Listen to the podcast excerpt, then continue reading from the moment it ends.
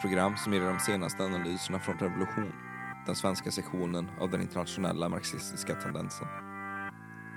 Besök gärna vår hemsida, www.marxist.se, för regelbundna uppdateringar och analyser från Revolution. Där kan du också prenumerera på vår tidning, ge oss ett bidrag och gå med i kampen för socialism. I detta avsnitt talar Ylva Winberg om den nuvarande situationen i Libanon som eh, många har hört om kanske så skedde det två stora explosioner i Beiruts hamn den eh, 4 augusti. Och eh, den andra av de två explosionerna var så kraftfull att den ödelade stora delar av centrala Beirut. Och nästan 200 personer dog i den här explosionen, eller efteråt då. 6 000 eh, skadades och 300 000 förlorade sina hem.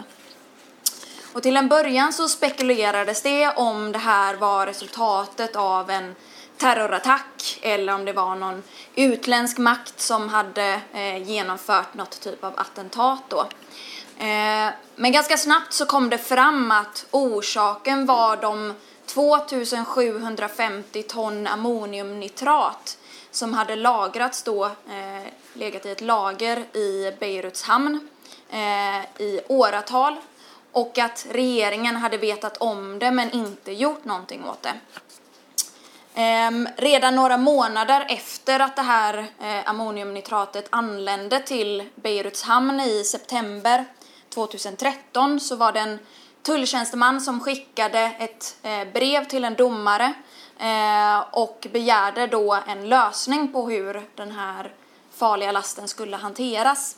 Eh, men han fick inget svar då. Ytterligare brev skickades den 5 december 2014, den 6 maj 2015, den 20 maj 2016, den 13 oktober 2016, den 27 oktober 2017 eh, utan något svar då heller.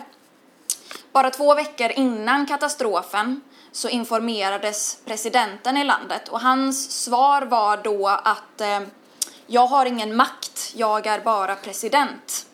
Eh, så han ansåg då att han inte kunde göra någonting åt det. Eh, och det här är inte unikt för hur de korrupta libanesiska myndigheterna eh, hanterar eh, problem. 2015 så bröt det ut massprotester eh, i Beirut på grund av sophanteringen. Då eh, Libanons myndigheter helt enkelt inte hanterar soporna överhuvudtaget utan låter soporna bara byggas upp eh, på hög eh, på Beiruts gator. Den här rörelsen tvingade då myndigheterna tillfälligt ta tag i det här problemet. Men så fort som de bedömde att de inte längre hotades av massprotester så struntade de återigen i det här problemet. Ehm, många grundläggande infrastrukturproblem ehm, sköts på ett liknande sätt som avloppssystemet där man helt enkelt bara dumpade rakt ut i eh, Medelhavet. Strömavbrott är mer regel än undantag. Ehm, elen stängs av runt 16 timmar om dagen för vanliga libaneser. Och det här är inte för att Libanon är ett så oerhört fattigt land att man inte kan eh, utveckla eh, och hantera en eh, ordentlig infrastruktur. Utan det är på grund av den oerhörda korruptionen där politiker, eh, bankerna, eh, utländska företag, inhemska företag eh, gör vad som helst för att stoppa offentliga medel i sina egna fickor. Men den här gången så fick misskötseln och korruptionen katastrofala och dödliga konsekvenser. Och trots tal då från premiärministern om att de som var ansvariga skulle få betala eh, för det här så lyfte regeringen inte ett enda finger för att hjälpa till efter katastrofen. Utan det var vanliga människor eh, som röjde upp bråte från gatorna. Det var vanliga människor som hjälpte till att leta efter de hundratals anhöriga som låg begravda, saknade eh, under allt bråte. Eh, det var vanliga människor som stöttade sjukvården där eh, Massa blodiga människor gick runt på gatorna, försökte ta sig in på sjukhus men blev avvisade på grund av att sjukhusen redan var fulla av coronapatienter. Det var vanliga människor som hjälpte de som blivit hemlösa att få tak över huvudet. Regeringens passivitet och deras uppenbara ansvar för den här katastrofen vände snabbt sorg till en enorm ilska där 10 000 människor kom ut på gatorna för att kräva regeringens fall. Eh, demonstranterna skanderade folket kräver regimens fall eh, och revolution. Slagord som man skrek under 2019 års protester. Den enorma ilskan mot politiker, eh, mot bankerna och hela den rika eh, eliten som plundrar landets tillgångar. Det visas i den plundring som demonstranter genomförde av de libanesiska bankernas huvudkvarter som man också eh, sen tände på. Eh, och ännu mer av de snaror som man hängde upp där avbildningar av eh, Hizbollahs ledare Hassan Nasrallah, den före detta premiärministern eh, Hariri, presidenten Aoun och hans mäktiga svärson eh, Gebran Basil hängdes. Eh, och en demonstrant som tog en bild på de här snarorna skrev här borde politikerna hänga. Ehm, de här protesterna möttes väldigt, väldigt snabbt av hård repression från kravallpoliser. Även militären sattes in, som inte hade hjälpt till Eh, efter katastrofen att röja på gatorna eller så, utan de hade uppenbarligen hållits kvar i sina baracker så att de sen skulle kunna sättas in eh, mot de protester som regeringen visste skulle komma. Under 2019 års protester så vågade de inte sätta in armén eh, för att majoriteten av armén består av människor från en fattig bakgrund och därför vet de om att det finns en risk att demonstranter skulle kunna vinna över vanliga soldater till sin sida. Och det här var också vad demonstranterna nu försökte göra. Eh, en kvinna skrek till soldaterna, är armén verkligen här? Kom med oss så kan vi bekämpa regeringen tillsammans. En annan skrek, vem ska ge era barn mat och sjukvård? Ni är ju samma som oss. Och trots gummikulor och tårgas så kuvades inte de här protesterna. Eh, och minnet från rörelsen 2019 eh, var fortfarande färskt i minnet hos de styrande politikerna. Och det är tydligt att de var väldigt rädda för att de här protesterna eh, skulle gå eh, alldeles för långt. Eh, och när våld då inte enbart hjälpte till att kuva protesterna så valde de att eh, tillfälligt backa där eh, regeringen då den 10 augusti meddelade eh, att den skulle avgå. Och det här är den andra regeringen på ett år som den libanesiska revolutionära rörelsen fällt. Som sagt så beror inte misskötseln och korruptionen på att Libanon är ett oerhört fattigt land. Eh, beror inte på brist på pengar, men problemet är att de här pengarna är i händerna på en liten, liten rik korrupt elit. Libanon är ett av de länder med högst antal eh, miljardärer per capita. Sju personer, de flesta från Hariri och Makti-familjerna, dominerar ekonomin och politiken. 10 procent av befolkningen äger 70 procent av landets rikedomar. Och de här personerna lever ett liv i ofantlig lyx. Helt oberörda av sådana problem som drabbar vanliga människor som sophanteringen, avloppssystemet, strömavbrott och så vidare. Ett exempel på vilken oerhörd korruption som råder i landet är en eh, systerson eller brorson till eh, den nuvarande presidenten då, som satt i regeringen för ett eh, antal år sedan. Och när han tillträdde som minister så var han en vanlig skollärare utan särskilt stora eh, egendomar. När han lämnade regeringen så ägde han ett privatjet Eh, och det här är standard eh, för liksom, libanesiska politiker. Man går in i regeringen eller blir vald till parlamentet så att man kan tjäna eh, så mycket pengar som möjligt, roffa åt sig maximala mängder med offentliga medel. Ehm, men frågan är eh, var den här korruptionen kommer ifrån. Västerländska politiker och eh, ekonomer de är väldigt snabba på att fördöma Libanons korruption eh, och säga att de måste ta tag i det här och så vidare. Eh, men faktum är att den här korruptionen beror på det system som de här västerländska damerna och herrarna försvarar, nämligen kapitalismen och imperialismen. Libanon eh, är ett land som aldrig haft någon eh, särskilt välutvecklad eh, industri, utan har levt på att vara ett finans och handelscentrum i väst. En länk mellan eh, västerländska pengar eh, och oljeindustrin i Mellanöstern. Eh, även efter att det formellt blev självständigt eh, från Frankrike då 1946 så har det fortsatt varit beroende och dominerat av utländska kapitalistiska stater, framförallt då eh, USA. Där den ekonomiska stabiliteten har berott på dess förmåga att attrahera dollar till de libanesiska bankerna.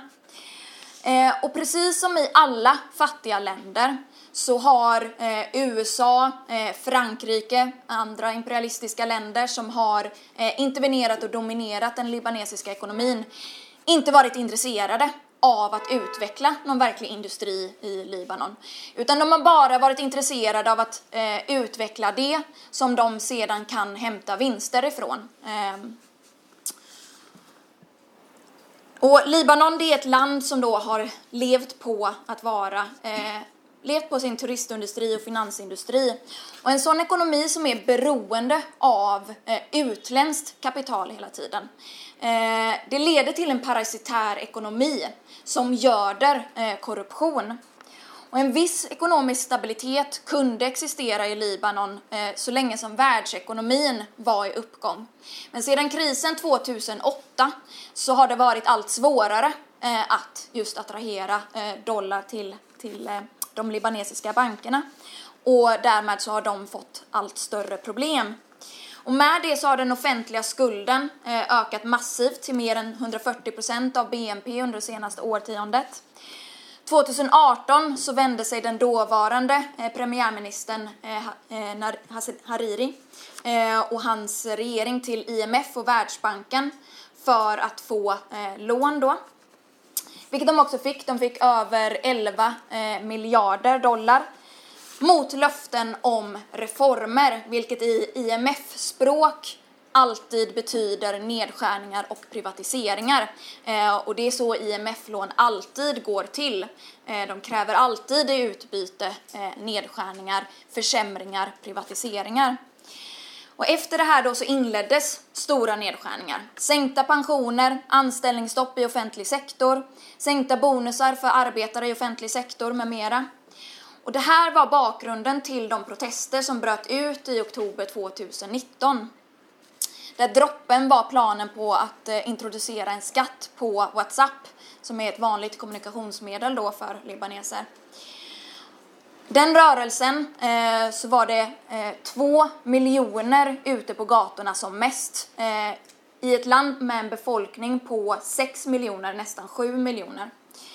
Eh, den fällde då den dåvarande eh, regeringen ledd av Hariri där sedan en ny eh, teknokratisk regering tillsattes i januari 2020. Och en teknokratisk regering är då en ovald eh, regering bestående av så kallade eh, experter, oberoende experter, som då inte skulle ha någon koppling till de existerande politiska partierna. Eh, men den ekonomiska krisen har bara fortsatt sedan dess och med den attackerna mot arbetarklassen. Och med den kris som inleddes i år, triggat av coronapandemin, så har den libanesiska valutan sjunkit som en sten som förlorat 80 procent av sitt värde. I mars så tvingades man ställa in betalningarna, avbetalningarna på utlandsskulderna. Men det här har inte hindrat korruptionen det minsta, utan tvärtom så har en allt större andel av de utländska lånen eh, hamnat i fickorna på de som äger bankerna och politikerna då. Och med det så förstår man varför det finns ett sånt enormt hat mot bankerna och mot politikerna eh, hos den libanesiska arbetarklassen och eh, de fattiga. Det är tydligt att eh, de blir rikare och rikare på bekostnad av den stora majoriteten samtidigt som de låter landet förfalla. Den libanesiska kapitalismen befinner sig i en återvändsgränd Eh, och de försöker få arbetarklassen eh, att betala priset för den krisen. Och med den nuvarande ekonomiska krisen eh, och med den här explosionen då så kommer situationen för den stora majoriteten att drastiskt förvärras. Arbetslösheten låg redan på 40 eh, procent innan pandemin. En hungerkatastrof väntar då landet importerar 80 procent av sin mat eh, och då eh, stora lager av mat eh, förvarades i hamnen som nu har förstörts då. Hälften av befolkningen eh, lever i fattigdom, 23 procent i extrem fattigdom. Och en minister erkände i april att 75 procent av befolkningen skulle behöva finansiellt stöd för att överleva.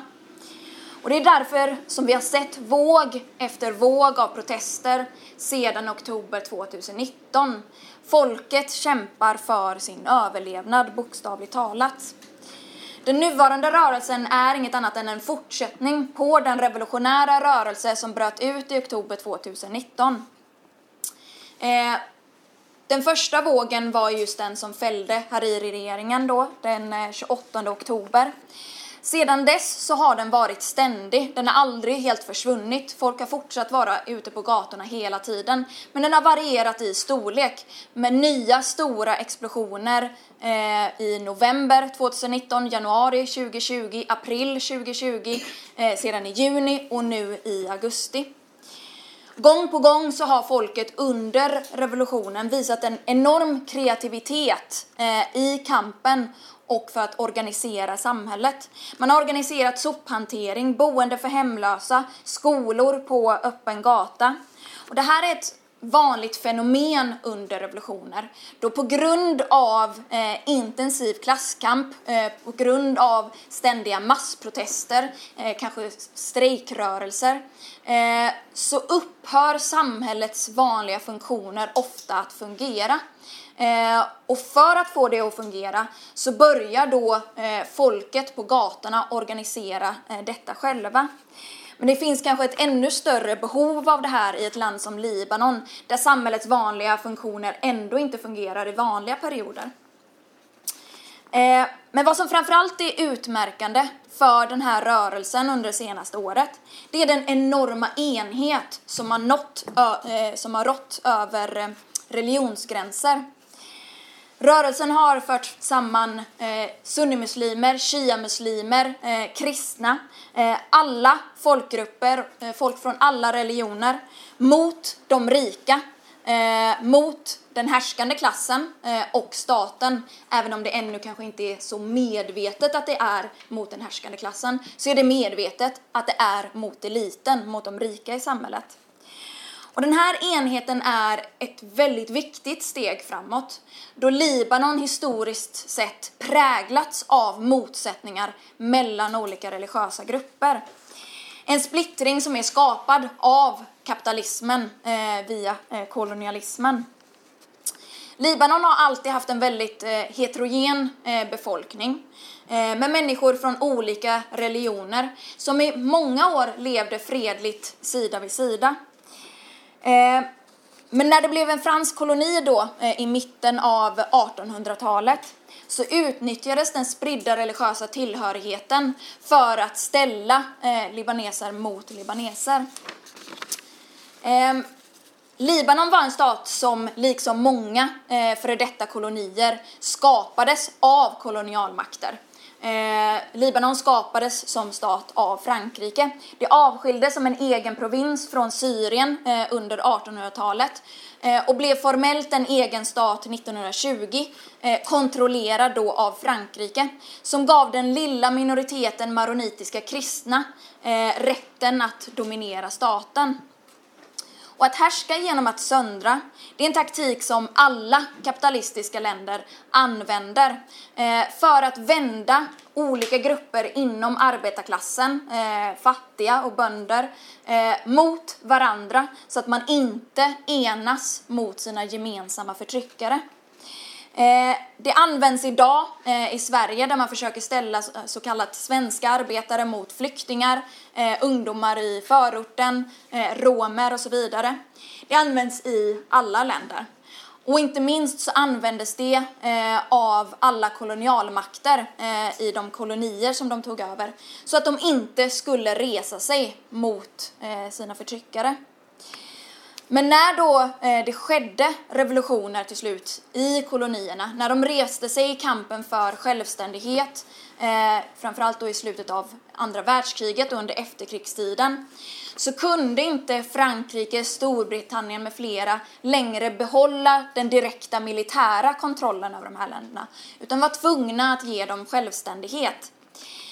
Men för att eh, se till att de här eh, revolutionära rörelserna inte gick för långt, det vill säga inte gick så långt att man avskaffade kapitalismen, så använde man sig av de här splittringarna för att hetsa folkgrupper mot varandra, för att försöka vända revolutionära rörelser till kontrarevolutioner, till inbördeskrig där folk vände sig mot varandra. Eh, vissa länder gick ändå den vägen i att avskaffa kapitalismen som Kina, Syrien, Etiopien med flera där imperialisterna inte lyckades eh, med sitt, med sitt mål. Men i Indien så konspirerade britterna tillsammans med den eh, hinduistiska och eh, muslimska borgarklassen för att eh, dela upp landet i Indien eh, för hinduerna och Pakistan för muslimerna. För att på så sätt kunna eh, vända den revolutionära rörelsen till ett blodigt inbördeskrig. Någonting som för övrigt eh, stöttades och eh, leddes av, av Gandhi. Eh, som ofta utropas till någon slags helig person idag. I Libanon eh, såg Frankrike till att göra den här religiösa uppdelningen till en cementerad del av den libanesiska staten. Enligt den så kallade nationalpakten från 1943 så skulle landets president vara maronitisk kristen, dess talman vara shia-muslim, dess premiärminister eh, eh, sunnimuslim och vice talman för parlamentet och vice premiärminister skulle vara grekisk ortodox kristen. Fördelar gavs fortsatt till maronitiska kristna, medan shia-muslimer var bland de mest förtryckta.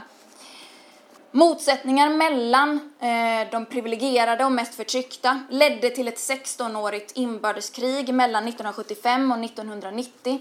Och från att ha börjat som en mer vänsterbaserad eh, och sekulär eh, rörelse mot de mest privilegierade i samhället, mot de rika, så vändes det till ett inbördeskrig mellan olika religiösa grupper, där de kristna fick hjälp av Israel som invaderade 1982. Efter slutet på inbördeskriget så cementerades den här splittringen ännu mer då Syrien intervenerade och under en lång period kontrollerade den libanesiska staten.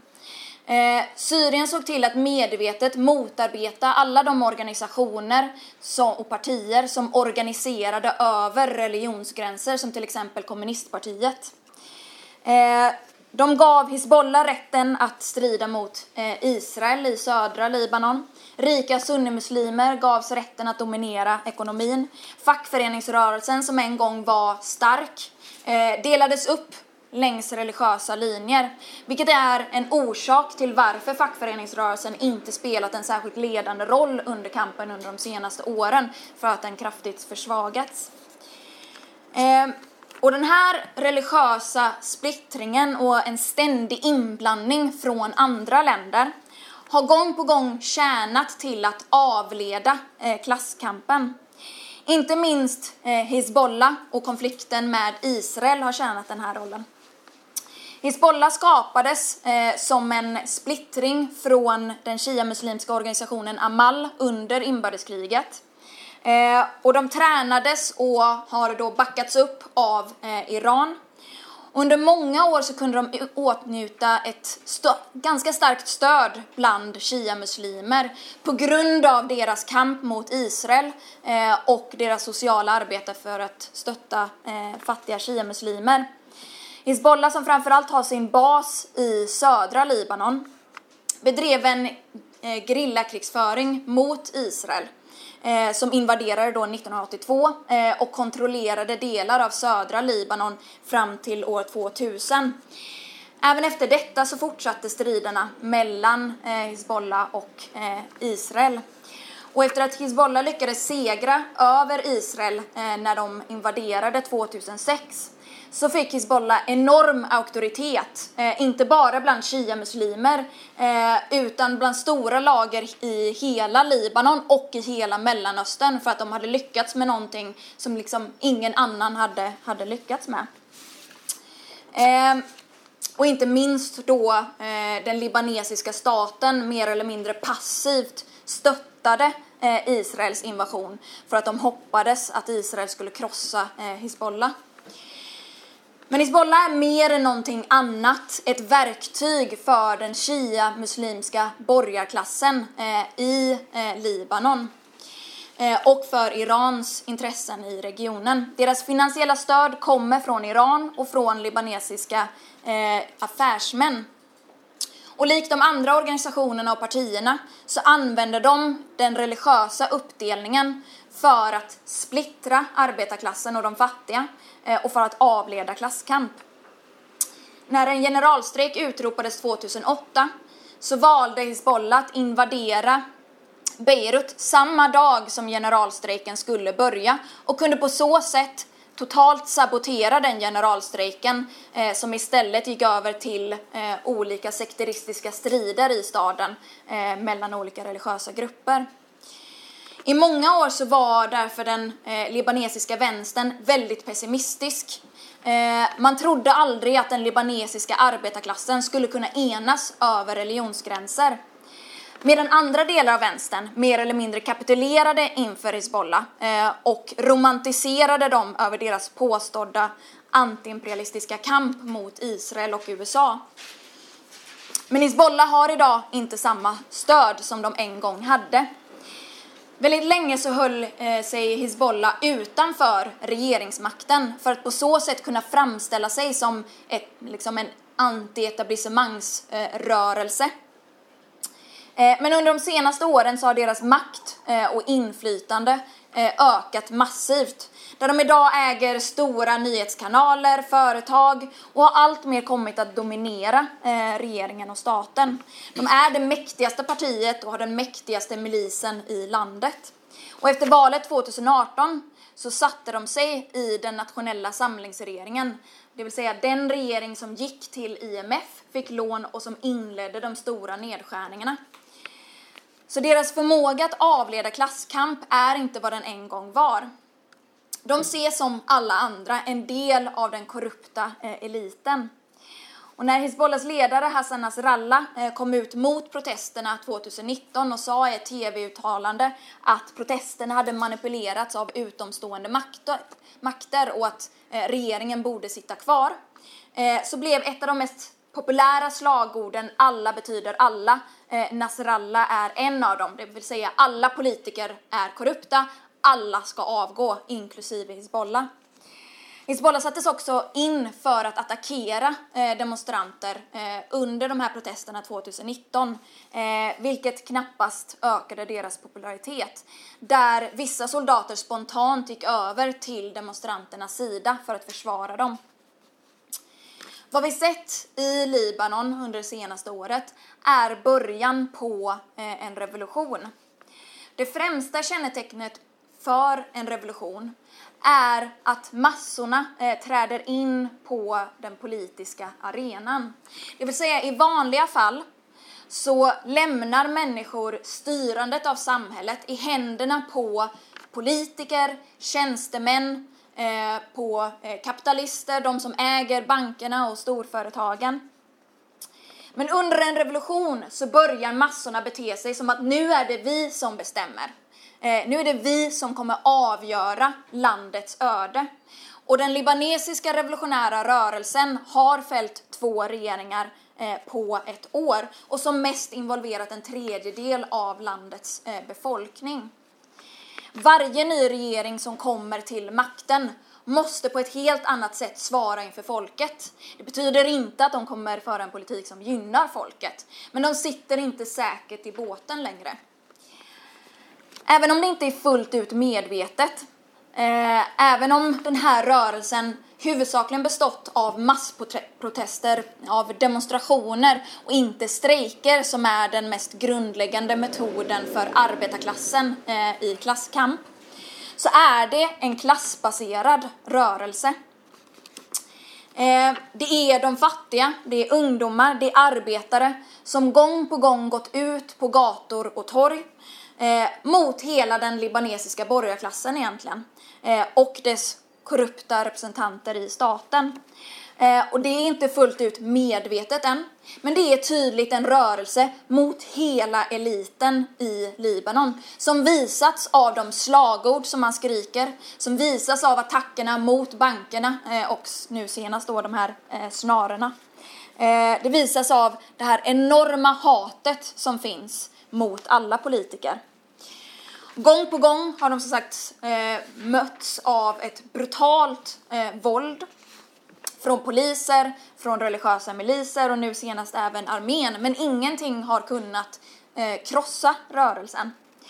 Trots att regeringen eh, under augusti eh, försökte använda eh, våld eh, även efter att regeringen eh, avgick, eh, så har de inte kunnat kuva protesterna utan de har fortsatt.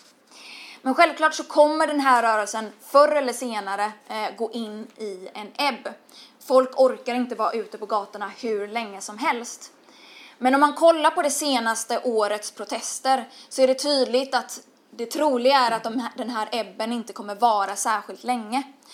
För att eh, oavsett vad som händer så kommer inga av de grundläggande problemen kunna lösas utan en grundläggande samhällsomvandling.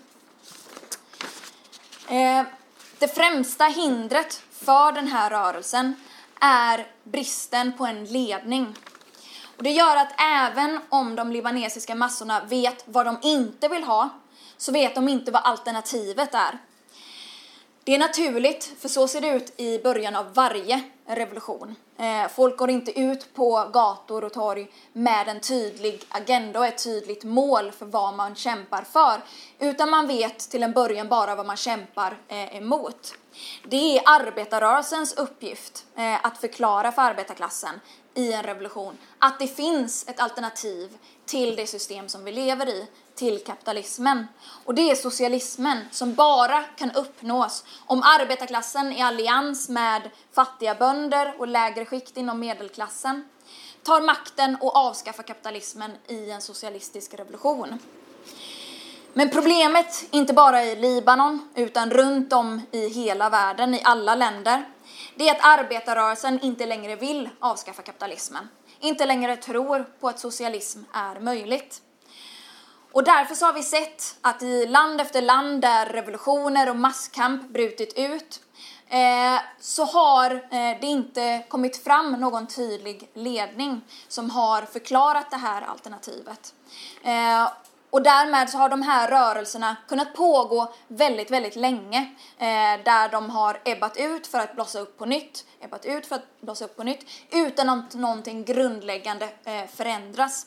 Eh, regeringar byts ut mot en ny som för samma politik som de tidigare regeringarna, det vill säga en politik som gynnar de rikaste i samhället. Eh, för att det inte finns ett politiskt alternativ som kan visa vägen ut eh, ur det samhälle som vi lever i. I Libanon så är vänstern svag eh, och splittrad. Det finns en rad olika vänstergrupper, eh, men som alla är eh, väldigt små och där ingen har eh, en tydlig eh, idé, ett tydligt perspektiv om vad målet med kampen är. Den grupp som har störst potential är det libanesiska kommunistpartiet. De är idag långt ifrån så starka som de en gång var, men de har en lång tradition inom den libanesiska arbetarklassen. Om de hade arbetat på rätt sätt eh, och haft rätt politik så hade de kunnat växa till ett massparti som hade kunnat leda revolutionen till seger. Ehm, Tidigare så har de varit en av de eh, organisationer som mer eller mindre kapitulerat inför Hizbollah, eh, som romantiserat dem, eh, mer eller mindre stöttat dem. Men under den senaste perioden så har de höjt allt mer kritiska röster mot dem, distanserat sig från dem. Och framförallt kom kommunistpartiet är en av de få organisationer som är emot den religiösa uppdelningen eh, och som är för att eh, organisera eh, arbetare och fattiga från, från alla religioner. Men kommunistpartiet eh, släpar eh, hopplöst efter eh, massorna. I ett läge där demonstranter hänger upp snaror eh, och iscensätter fejkade hängningar av politiker, i ett läge där de tänder eld på banker eh, och kallar politiker för mördare, så är allt som kommunistpartiet kräver en självständig civil kommission för att utreda korruption och en civil regering utanför de existerande partierna. Alltså vad de i princip kräver är en så kallad teknokratisk regering, alltså experter, oberoende experter utan kopplingar till de nuvarande partierna. Men det är ju exakt en sån regering som har suttit vid makten från januari till nu i augusti i år. Det är inte bara de politiska partierna som är korrupta. Det är hela den libanesiska borgarklassen och hela den libanesiska staten. Det fanns absolut ingen skillnad mellan den politik som Hariri-regeringen förde som avgick i oktober förra året och Hassan Diabs teknokratiska regering som eh, tvingades avgå nu. Eh, bland det första som Diab-regeringen gjorde var att rösta igenom den budget som den före detta regeringen eh, hade lagt fram utan några förändringar. Eh, de genomförde eh, några lagar mot korruption, men det här var egentligen bara ord på eh, ett papper. Det var inga, ingenting verkligt gjordes mot korruptionen. Och deras enda lösning för att hantera den ekonomiska krisen var att försöka förhandla fram fler lån med IMF, som därmed skulle ge nya nedskärningar. En teknokratisk regering skulle alltid representera den libanesiska härskande klassens intressen. För varifrån hämtas de här experterna? Är det eh, städare? Eh, är det eh, lärare? Är det sjuksköterskor? Nej, det är från den rika eliten som man hämtar de här så kallade experterna.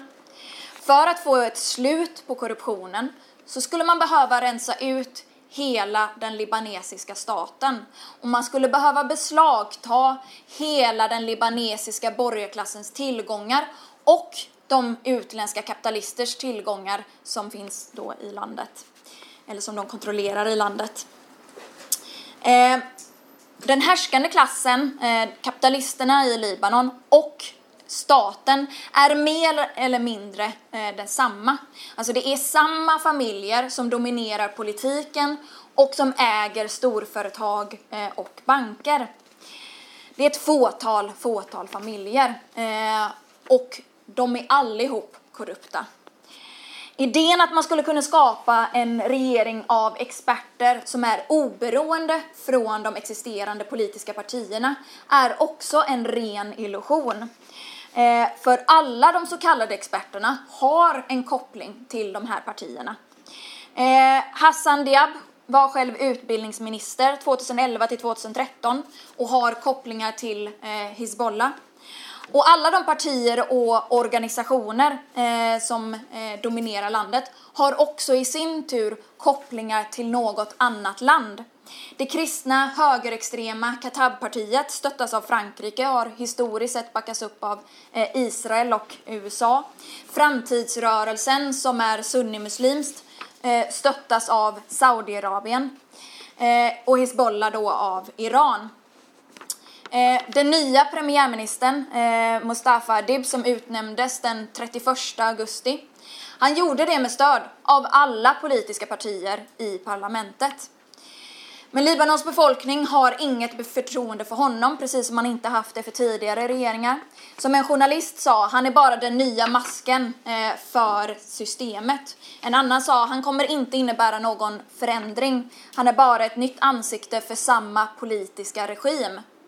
Precis som alla andra politiker så är han en del av den ekonomiska och politiska eliten. Han har varit ambassadör i Tyskland och i många år så arbetade han som rådgivare åt den före detta premiärministern och mångmiljardären Najib Mikati som är Libanons rikaste man som förra året åtalades för eh, korruption. Det finns inget sätt att få slut på nedskärningar och korruption utan att avskaffa kapitalismen. Problemet är då eh, att det parti som är närmst att kunna leda den här eh, kampen, kommunistpartiet, är ett stalinistiskt parti. Deras syn är som alla stalinistiska eh, partier att så kallade underutvecklade länder, fattiga länder, eh, som är dominerade av imperialismen är ännu inte redo för en socialistisk revolution. Utan vad de står inför är en borgerlig revolution där arbetarklassen och arbetarrörelsen ska alliera sig med progressiva eh, borgare för att genomföra en borgerlig revolution där man uppnår borgerlig demokrati och kan utveckla kapitalism till det har nått, något, något slags fullständigt stadie eh, så att man blir redo för, för socialism. Stalinister har aldrig någonsin förklarat när ett land faktiskt har nått det här stadiet där man är redo för eh, revolution. Men, eh, men det ska finnas något sådant stadie enligt dem själva. Ehm, men den, den libanesiska borgerliga demokratin den kommer aldrig se ut på något annat sätt än vad den ser ut eh, att vara idag. Eh, och så länge som kapitalismen tillåts existera eh, så kommer Libanon vara en slav under världsmarknaden. Där länder som Israel, Iran, Saudiarabien, USA, Frankrike kommer försöka hävda sina intressen i landet. Bara genom att avskaffa kapitalismen så kan man befria landet från utländska makters dominans. Och så länge det inte finns ett revolutionärt parti som för, kan förklara att den enda vägen framåt är att avskaffa kapitalismen så finns alltid risken att den härskande klassen återigen kommer lyckas splittra arbetarklassen och de fattiga längs religiösa gränser. Och det är precis vad Katab och framtidsrörelsen eh, försöker göra nu. De har försökt framställa det som att de står på rörelsens sida eh, och att de inte är en del av den korrupta eliten för att de inte suttit vid makten under de senaste åren. Eh, men de har ju suttit vid makten många gånger tidigare eh, och de är precis lika korrupta som alla andra partier. Katab är ett extremt reaktionärt parti eh, som grundades med inspiration från Mussolini Ehm, och som utförde fruktansvärda mord på muslimer och vänsteraktivister under inbördeskriget. Även Frankrike har försökt hävda sina intressen i landet på nytt. Ehm, Macron försök, eh, såg till att omedelbart besöka landet för att uttrycka sin eh, sorg eh, och sitt stöd till folket. Vilket ju har absolut noll att göra med sorg över förlorade liv. Eh, om den franska härskande klassen och politikerna hade eh, verkligen sörjt över vad som händer i länder som Libanon så hade deras historia eh, troligtvis sett annorlunda ut. Eh, de har varit en viktig faktor eh, i Libanons historia när det gäller våld. Eh, utan vad det har att göra med är att Macron just nu är impopulär i Frankrike på grund av den politiken som han för och därför så vill han eh, avleda uppmärksamheten från den politiken han för till den här humanitära gesten gentemot Libanon. Men också framförallt se till att hävda Frankrikes intressen i Libanon. Macron har nu hotat med sanktioner Eh, från Frankrike om man inte genomför verkliga eh, reformer. Och IMF har sagt samma sak, att vad som behövs nu är verkliga reformer. Och när de pratar om verkliga reformer så är det då privatiseringar och nedskärningar som man menar. Ehm, de libanesiska massorna kan inte lita på någon utländsk makt utan bara på sin egen styrka. Och precis som de sagt, alla politiker är tjuvar, alla är korrupta, alla betyder alla. Det enda alternativet till inbördeskrig, splittring, korruption och misär är en socialistisk revolution där arbetarklassen tar makten och uppmanar resten av Mellanöstern och världen att följa deras exempel. I den tid som vi lever i av eh, pandemier, kapitalistisk kris och eh, klimatkris så är de enda alternativen socialism eller barbari.